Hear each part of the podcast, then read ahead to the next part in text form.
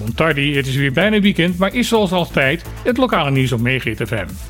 Ik ben Martijn Hischemuller en dit zijn de onderwerpen die wij voor jou hebben uitgekozen. De Bonaire Hotel and Tourism Association heeft gelijk gekregen. In de kwestie rondom de afvalwaterverordening, die 1 januari dit jaar had moeten ingaan, is de rechter met Bohate eens dat de overheid ten onrechte de hotels van het eiland voor het grootste gedeelte wil laten opdraaien voor de kosten van het zuiveren van het rioolwater op het eiland. In de verordening, die vorig jaar unaniem door de eilandsraad werd aangenomen, zouden hotels voor het zuiveren rioolwater aangeslagen gaan worden voor 600 dollar per kamer per jaar. Volgens Bonhata is deze aanslag in geen verhouding met de manier waarop anderen op het eiland moeten mee gaan betalen voor het zuiveren van rioolwater. Bijvoorbeeld restaurants hoeven in de verordening maar 600 dollar per keukengang te betalen. De associatie had al in een kort geding kans gezien om de invoering van het eilandsbesluit uit te stellen tot 1 oktober. Nu heeft de rechter definitief een streep door de hele verordening gezet. De rechtbank is veroordeeld dat de regeling strijdig is met de wet Financiën Openbaar Lichamen BES en niet voldoet aan de algemene beginselen van behoorlijk bestuur. Daarnaast is de rechter het eens met de stelling van Bonhaten dat er een regeling moet komen waarbij bedrijven een zuiveringsheffing moeten gaan betalen gebaseerd op de hoeveelheid afvalwater die ze produceren. Naast het succes van de Ace Kid Club komt de Art Culture Education Foundation met een nieuw project. Dit keer voor jongeren tussen de 13 en 19 jaar. De Gang di Arte Bonaire.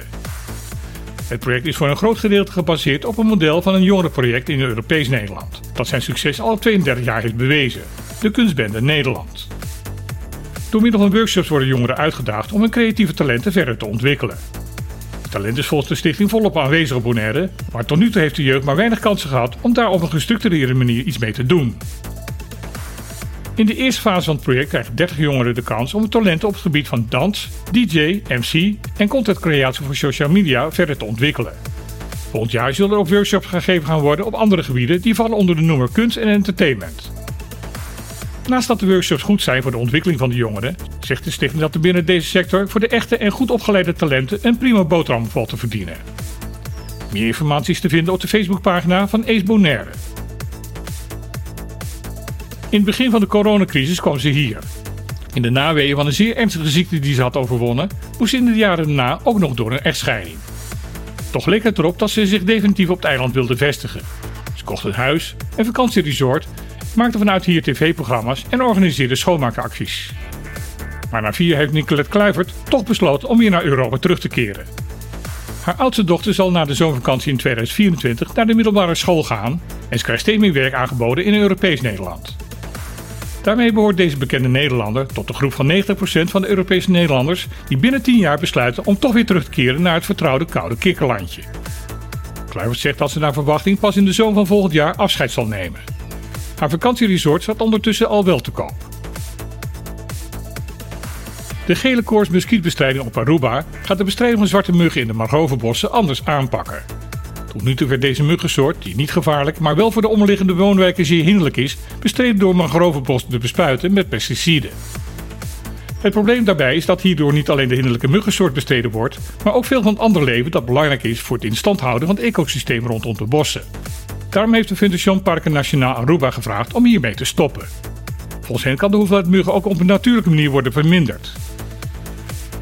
Het plan is om in het bos een aantal kanalen te gaan aanleggen. Deze kanalen bevorderen de doorstroming van vers zeewater door het gebied. Dat is goed voor de mangrovenbomen, maar zorgt er ook voor dat er minder stilstand water in het gebied zal zijn. Hierdoor zal het aantal plekken waar de muggen hun eieren kunnen leggen sterk verminderen, waardoor ook automatisch het aantal muggen in het gebied zal afnemen. Dit was weer het laatste lokale nieuws op Megahit FM van deze week. Morgen is van 12 tot 2 weer op de clip op deze zender. Het gaat een druk programma worden. Een aankomend echtpaar komt vertellen over een pedofiele avond voor de ezelopvang en de voedselbank die zij organiseren ter ere van hun huwelijk. Een 13-jarige surfster komt vertellen hoe ze opeens tot de wereldtop is gaan behoren. Inibon komt vertellen over het zwembad. En twee Bonaireaanse neven vertellen hoe zij het bedrijfsleven op Bonaire willen gaan helpen met ICT-oplossingen. Dus luister morgenmiddag naar de radio of kom langs op de Club Trocadero. Ik wens iedereen een heel goed weekend toe en dan heel graag weer tot maandag.